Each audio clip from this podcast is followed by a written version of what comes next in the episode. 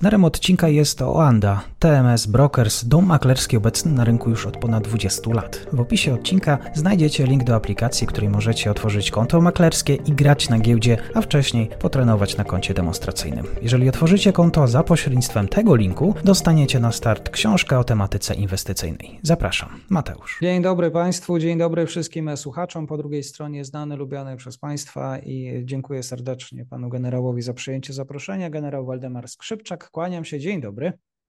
Dzień dobry panu, dzień dobry państwu, witam serdecznie. Tak, dzisiaj rozpoczniemy nieco e, od e, innej, e, innego tematu, bo będziemy rozmawiać o, o grach wojennych. Drodzy Państwo, gra wojenna, wielka gra wojenna będzie symulacją konfliktu zbrojnego na naszym regionie. Zachęcam, drodzy Państwo, do tego, żeby sięgnąć do linku poniżej, link również do zrzutki, gdzie stworzenie takiej gry mogą mieć Państwo udział w tym, żeby powstała taka inicjatywa. Będą mogli Państwa, Państwo zadawać pytania prowadzącym, e, brać udział aktywny w tej symulacji e, na polu e, walki. Panie generale, ale oddaję głos dla eksperta, dla osoby, która bierze udział w tym projekcie. Kto odpowiada za stworzenie tej wielkiej gry wojennej? Co to za projekt?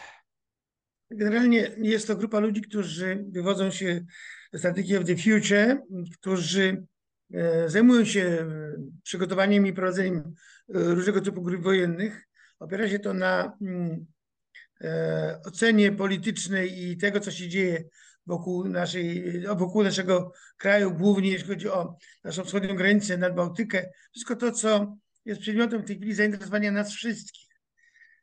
Ta gra wojenna jest jakby moim zdaniem stymulatorem, który ma mm, dać ludziom wiedzę, pojęcie o tym, jak planuje, jak prowadzi się operacje wojskowe. Dlatego też stworzono do tego, do tej gry narzędzia, które pozwolą grać wszystkim, brać udział w grze wszystkim tym, którzy chcieliby brać udział. Stworzono bazę informacyjną, taki identyfikator sił czerwonych, sił niebieskich, które biorą bezpośrednio udział w tym konflikcie. E, oczywiście to są operacje wojskowe, one będą miały różny przebieg. Będziemy starali się stymulować takie sytuacje, które pozwolą graczom e, po pierwsze identyfikować strony walczące, jak również pomagać, czy nawet formułować swoje e, rozwiązania e, w prowadzeniu operacji wojskowych. Oczywiście na terenie i nad Bałtykiem, na terenie Polski. Uważam, że to też wywoła pewne refleksje u wszystkich, którzy będą chcieli brać udział w tych grach, ponieważ moim zdaniem zainteresowanie jest bardzo duże przebiegiem tego typu operacji, a już sam udział w takiej operacji, planowanie operacji, czyli bezpośrednie wpływanie na przebieg operacji na pewno będzie e, dobrą zabawą dla wielu tych, którzy będą chcieli się uczyć i bawić. Mhm. E, symulacja na konkretnym e, przykładzie, konkretnym regionie. W jakich czasach może o tak zostanie umiejscowiona fabuła tej gry? Znaczy, generalnie idziemy do przodu. Ta gra rozpoczyna się w roku 2026.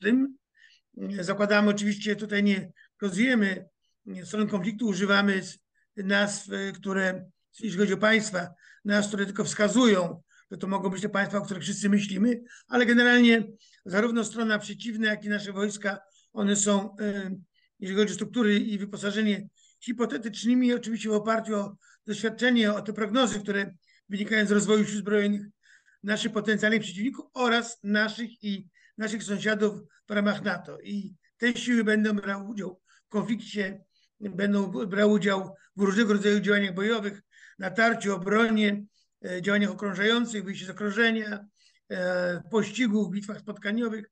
Także będzie szereg różnych rozgrywek operacyjnych, które pozwolą nie tylko E, zobaczyć, na czym to polega, ale się uczyć. Mhm. Bo przecież, żeby móc grać, trzeba poznać struktury, które będą e, do, e, będą udostępnione graczom, żeby, żeby gracze mogli poznać struktury, jak buduje się struktury sił zbrojnych na, od poziomu grupy armii, poprzez armię, poprzez korpusy, dywizje, brygady i w dół.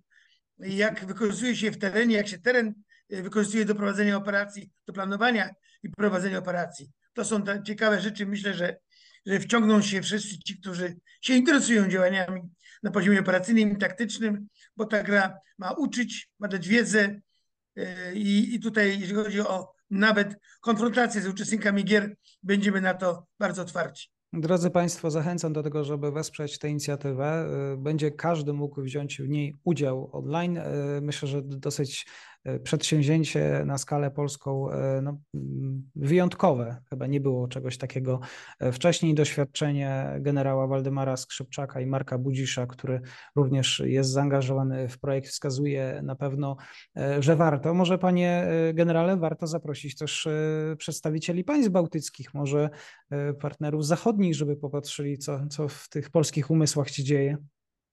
Wydaje mi się, że tak, że warto i żeby oni też pochylili, ponieważ my też korzystamy e, z doświadczeń, które płyną z Ukrainy. One są zupełnie inne niż były do tej pory, nasze, nasze, nasze podejście do prowadzenia działań, a przecież działamy na wschodnioeuropejskim teatrze działań wojennych. E, to są inne działania niż niektórym wydawało się do niedawna, które, którzy prowadzili działania przeciw Iraku w Afganistanie i zderzenie z doktryną rosyjską, z tym teatrem działań, który, ma, który jest na wschodzie, zupełnie zredefiniowało poglądy wielu wojskowych na, na prowadzenie działań na tym teatrze i warto by było, żeby się na tym pochylić, ponieważ specyfika terenu i specyfika przeciwnika to wielkie wyzwanie. A zatem spróbujmy, y, zrobimy wszystko, żeby, żeby mogli z tej gry dać wszystkim tym, którzy będą chcieli grać, satysfakcję i możliwość bezpośredniego w niej udziału.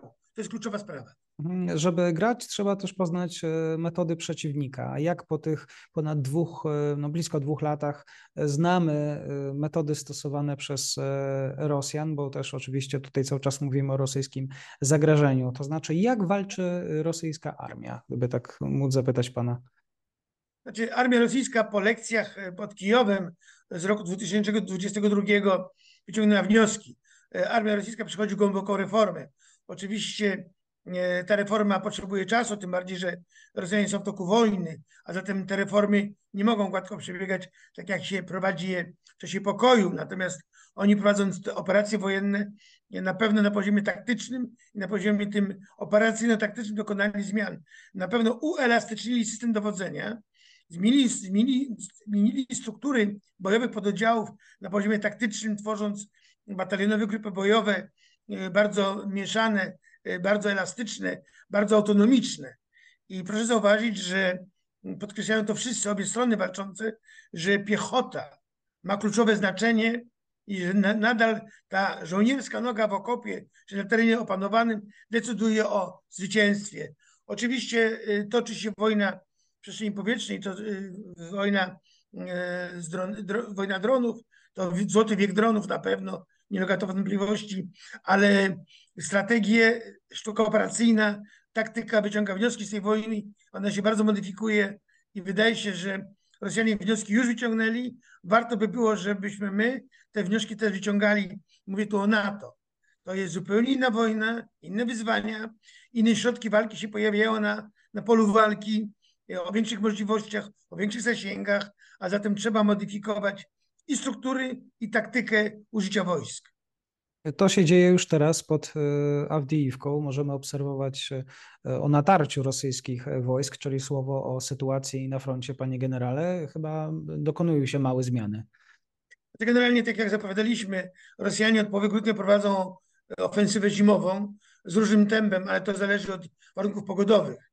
Na razie do, mają Rosjanie dobre warunki pogodowe. Oni wiedzą, że za 2-3 tygodnie może być gorzej, w związku z tym przyspieszają. I sprzyja im nie tylko pogoda, sprzyja im to, co się dzieje w armii ukraińskiej, a głównie na poziomie politycznym w Kijowie. Ja nie wiedziałem o tym, że od sierpnia ubiegłego roku Kijów nie, nie kupił sztuki amunicji dla armii ukraińskiej. Są to informacje z frontu, między innymi spod Awdijiwki. E, żołnierze nie mają amunicji, artyleria nie ma amunicji. Do jednego z pułków artylerii, a może dywizjonu artylerii dowieziono 500, 500 sztuk amunicji dymnej. Co można amunicją dymną? Zadymiać. Więc dystrybucja amunicji, jeżeli ona w ogóle jest, jest realizowana wadliwie, nie dociera tam, gdzie jest potrzebna.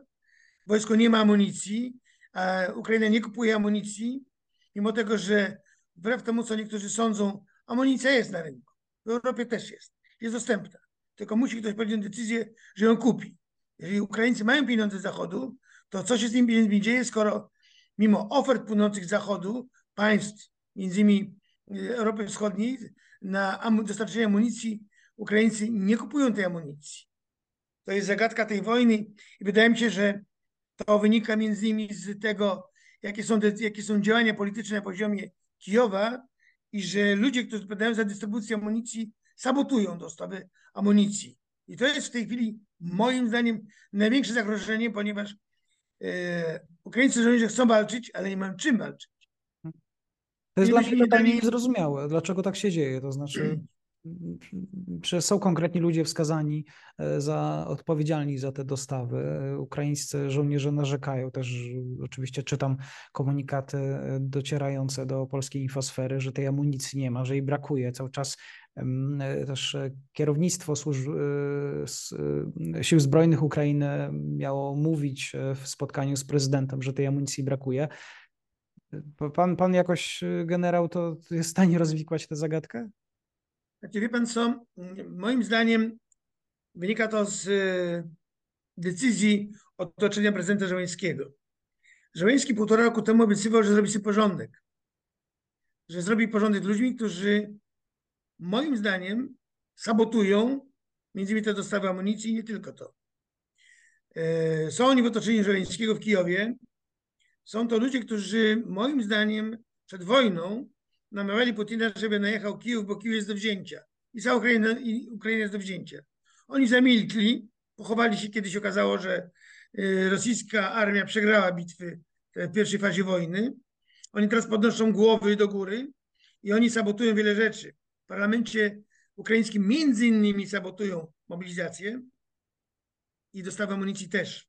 Były destrukcje. Amunicja trafia nie tam, gdzie trafiać powinna. I to jest zagadką, a za dystrybucję odpowiadają ludzie Ministerstwa Obrony Narodowej. Więc e, brak mobilizacji to jest e, katastrofa, ponieważ armia ukraińska nie ma już zasobów rezerw, które mogłyby na froncie walczyć. E, pewnie pan czytał też w mediach, że jeden z batalionów, który pierwotnie poszedł na wojnę, miał 200 żołnierzy, liczy teraz 40 żołnierzy, którzy nie mają amunicji do walki. Czyli jeżeli byśmy to oceniali w kategoriach, kategoriach wojskowych, to ten batalion utracił całkowicie zdolność bojową. Z 200 na 40. I takie oddziały walczą na froncie. Bohaterstwo żołnierzy ukraińskich jest nieprawdopodobne. Naprawdę chylę czoło, y, bo ci żołnierze są doskonałymi żołnierzami. Ale widać wyraźnie, że politycy i niektórzy wojskowi na poziomie tym najwyższym nie robią nic, aby ci żołnierze mieli czym walczyć, żeby te jednostki wojskowe, które poniosły straty w warunkach, znaczy w wojnie, były odtwarzane, uzupełniane, żeby Ukraińcy mogli prowadzić skuteczną obronę przeciwko armii rosyjskiej. To, co się dzieje w armii ukraińskiej, na pewno widzą Rosjanie. Dlatego też oni, widząc tą słabość, brak uzupełnienia, brak mobilizacji, brak amunicji, będą zwiększali tempo działań. To jest katastrofa dla Ukraińców, bo Rosjanie nie stracą tej szansy. Nie są idiotami. Oni widzą, co się dzieje w armii ukraińskiej, będą potęgowali swoje uderzenia. I jak się Putin rozpędzi, to wiosną dojdzie do Dniepru. Ale to sprawcami tego nieszczęścia armii ukraińskiej jest, są, jest i politycy w Kijowie. Proszę wybaczyć.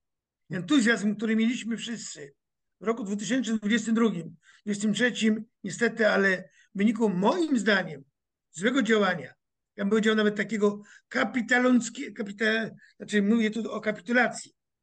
Kapitulanckie zachowanie Kijowa absolutnie wpływa destrukcyjnie na wszystko to, się, to co się dzieje w armii. Mhm. A teraz jeszcze powołanie Syrskiego, który ma wśród żołnierzy przezwisko Miasnik, czyli rzeźnik, na dowódcę naczelnego jest kolejnym błędem, który pokazuje, że mm, dla Kijowa nie ma e, znaczenia rozsądek w dowodzeniu, a bicie się za wszelką cenę. Przecież Syrski jest autorem tych budowy symboli, których oczekiwał od niego Żeleński. Siewierodoniecka, Bachmutu, Abdiewki, gdzie zginął kwiat armii ukraińskiej. Najlepsze brygady oddały życie za bitwę o symbole, które wytyczył syrskiemu e, a których to symboli nie chciał budować za cenę kilkunastu czy kilkudziesięciu tysięcy żołnierzy ukraińskich generał Załużny, dlatego musiał Załużny odejść. Obwinianie Załużnego ofensywą Zaporożu jest też błędem, bo przypomnę, że to w listopadzie 2022 roku prezydent Załęski ogłosił, że odbijemy Zaporoże i ta kontrofensywa, do której się przygotowujemy dzięki do całą sprzętu i szkoleniu przez NATO, uderzymy w Zaporożu. Wszyscy rozsądni wiedzieli, że w Zaporożu Rosjanie szykują najsilniejszą obronę. Wszyscy myśleli, że to specjalnie Żeleński mówi, żeby zmylić Rosjan co do kierunku uderzenia. Okazało się, że Żeleński wymusił ten kierunek na wojskowych, uderzyli i połamali sobie zęby. I teraz obwiniają o to założonego. Nie. Polityczne kierowanie i sterowanie działaniami zbrojnymi armii ukraińskich, ukraińskich doprowadziły do katastrof. A przypisywanie syrskiemu wielkiego zwycięstwa w operacji charkowskiej jest, bym powiedział, wojskowym, operacyjnym nieporozumieniem. Dlaczego? Dlatego, że ta operacja, która miała miejsce, przepraszam, Oczywiście. 11 września 2022 roku była to operacja bez celu strategicznego. Ona się po kilku dniach skończyła. Czyli to była operacja bezproduktywna. A mówią o tym, że to było wielkie zwycięstwo syrskiego. Wielka pomyłka. Ta operacja nie miała żadnego celu operacyjnego. Wtedy myśmy się udzieli, że ona idzie na Ługańsk. Nic podobnego. Mhm. Operacja, która e, była zupełnie niepotrzebna, bo żadnego efektu nie przyniosła. Panie generale, czy ta gra e, właśnie Strategy and Future, e, gra nad którą Państwo pracujecie, przewiduje takie scenariusze? No bo odwołanie szefa sił zbrojnych Ukrainy, może coś takiego trzeba też brać pod uwagę w, w tych tych kartach gry, ustawienia. Myślę, że tak będzie. Myślę, że tak będzie, bo będzie sytuacja na pewno wymagała pewnych zmian, bo sytuacja będzie na pewno się komplikowała i w miarę jak będziemy grę rozwijali, będziemy coraz bardziej pewnie ją komplikowali, żebyśmy stanęli wszyscy, i gracze, i my, przed wyzwaniami. Zresztą będziemy korzystali z podpowiedzi graczy, którzy będą chcieli grać z nami, będziemy wykorzystywali, wykorzystywali ich sugestie, podpowiedzi, bo na tym polega e, jakby urozmaicenie tej gry i ciekawość. I, I to pewnie będziemy chcieli wdrażać, żeby ta gra była udziałem nas wszystkich, którzy się nad tą grą będą pochylali i takie scenariusze pewnie też będą mieć miejsce. Mhm. E, wróćmy jeszcze do odwołania szefa sił zbrojnych. Rozumiem, że może ktoś wróży mu już polityczną karierę, a z kolei z drugiej strony Syrski oznacza według pana generała, tak, tak czuję, no, pogrom, pogrom, może nie pogrom, złe słowo, ale zły czas dla armii ukraińskiej. Tak, w obliczu braku mobilizacji, w obliczu, w obliczu braku amunicji, a jeżeli będzie amunicja, to ona dotrze na front za późno, dużo za późno. Jeżeli by nawet była mobilizacja teraz, to to wojsko, które by dotarło do wojsk, do, do, do formacji bojowych, dotarłoby latem najwcześniej albo jesienią. A zatem wydaje się, że niezależnie od zmiany dowodzącego, to Syrski nie ma już argumentów w ręku. Jeżeli niektórzy dziennikarze ukraińscy sugerują, że nareszcie będą działania ofensywne. Czym? Kim? Nie mają czym i kim. A zatem oczekiwanie, że Syrski zmieni losy wojny jest dla mnie nieporozumieniem. Nie mają przewagi strategicznej, którą mają w ręku w tej chwili. Rosjanie mają inicjatywę Rosjanie strategiczną. Czas, kiedy Ukraińcy mieli szansę, został zmarnowany i moim zdaniem za sprawą głównie prezydenta, który chciał wpływać na losy wojny, i na prowadzenie operacji przez wojskowych. Jeżeli politycy się będą mieszali wojskowym do wojny, takie będą skutki, yy, które widzimy na Ukrainie. Ale jeżeli nie, yy, nie załóżny tak naprawdę, jeżeli nie syrski, to kto? Znaczy, wie pan, dla mnie wymiana dowódców w toku wojny jest nieporozumieniem. Bo załóżny, co by o nim nie mówić, jednak się cieszył zaufaniem żołnierzy i, i cywili, bo inaczej Ukraińców, obywateli ukraińskich, przynajmniej części. Więc y, mi się wydaje, że w ciągu najbliższych tygodni poznamy konsekwencje tych zmian, ale Syrski niewiele będzie mógł zrobić, bo to Syrski jest sprawcą między innymi tego, że armia ukraińska w duży swój potencjał utraciła w tych bezproduktywnych walkach o te miasta, które wymieniłem i tych operacjach, które wymieniłem, chociażby ta charkowska. A zatem e, Ukraina nie ma pola manewru w tej chwili, nie ma zdolności do prowadzenia operacji ofensywnych, czyli wyzwalania terytoriów Ukrainy, jak to obiecywał Żołęski Ukraińcom. Teraz pozostaje tylko obrona, za wszelką cenę obrona i my musimy wszystko zrobić, żeby Ukraina w tej obronie wytrwała. Bo jeżeli Putin złapie oddech, a łapie, tak jak powiedziałem, dojdzie do Dniepru, to będzie katastrofa, która pogrąży Ukrainę, pozbawi Ukrainy możliwości e, realizowania czegokolwiek, bo to będzie już jedna trzecia Ukrainy w ręku Putina. Czym zatem zostanie Ukraina? Putin w wywiadzie z Carlsonem, dziennikarzem amerykańskim, powiedział, że inwazja jego kraju na Ukrainę na pełną skalę może się zakończyć tak naprawdę w kilka tygodni, jeśli Zachód po prostu przestałby pomagać Kijowowi w obronie. E, oglądał pan ten wywiad? Nie, nie oglądałem. Byłem w podróży.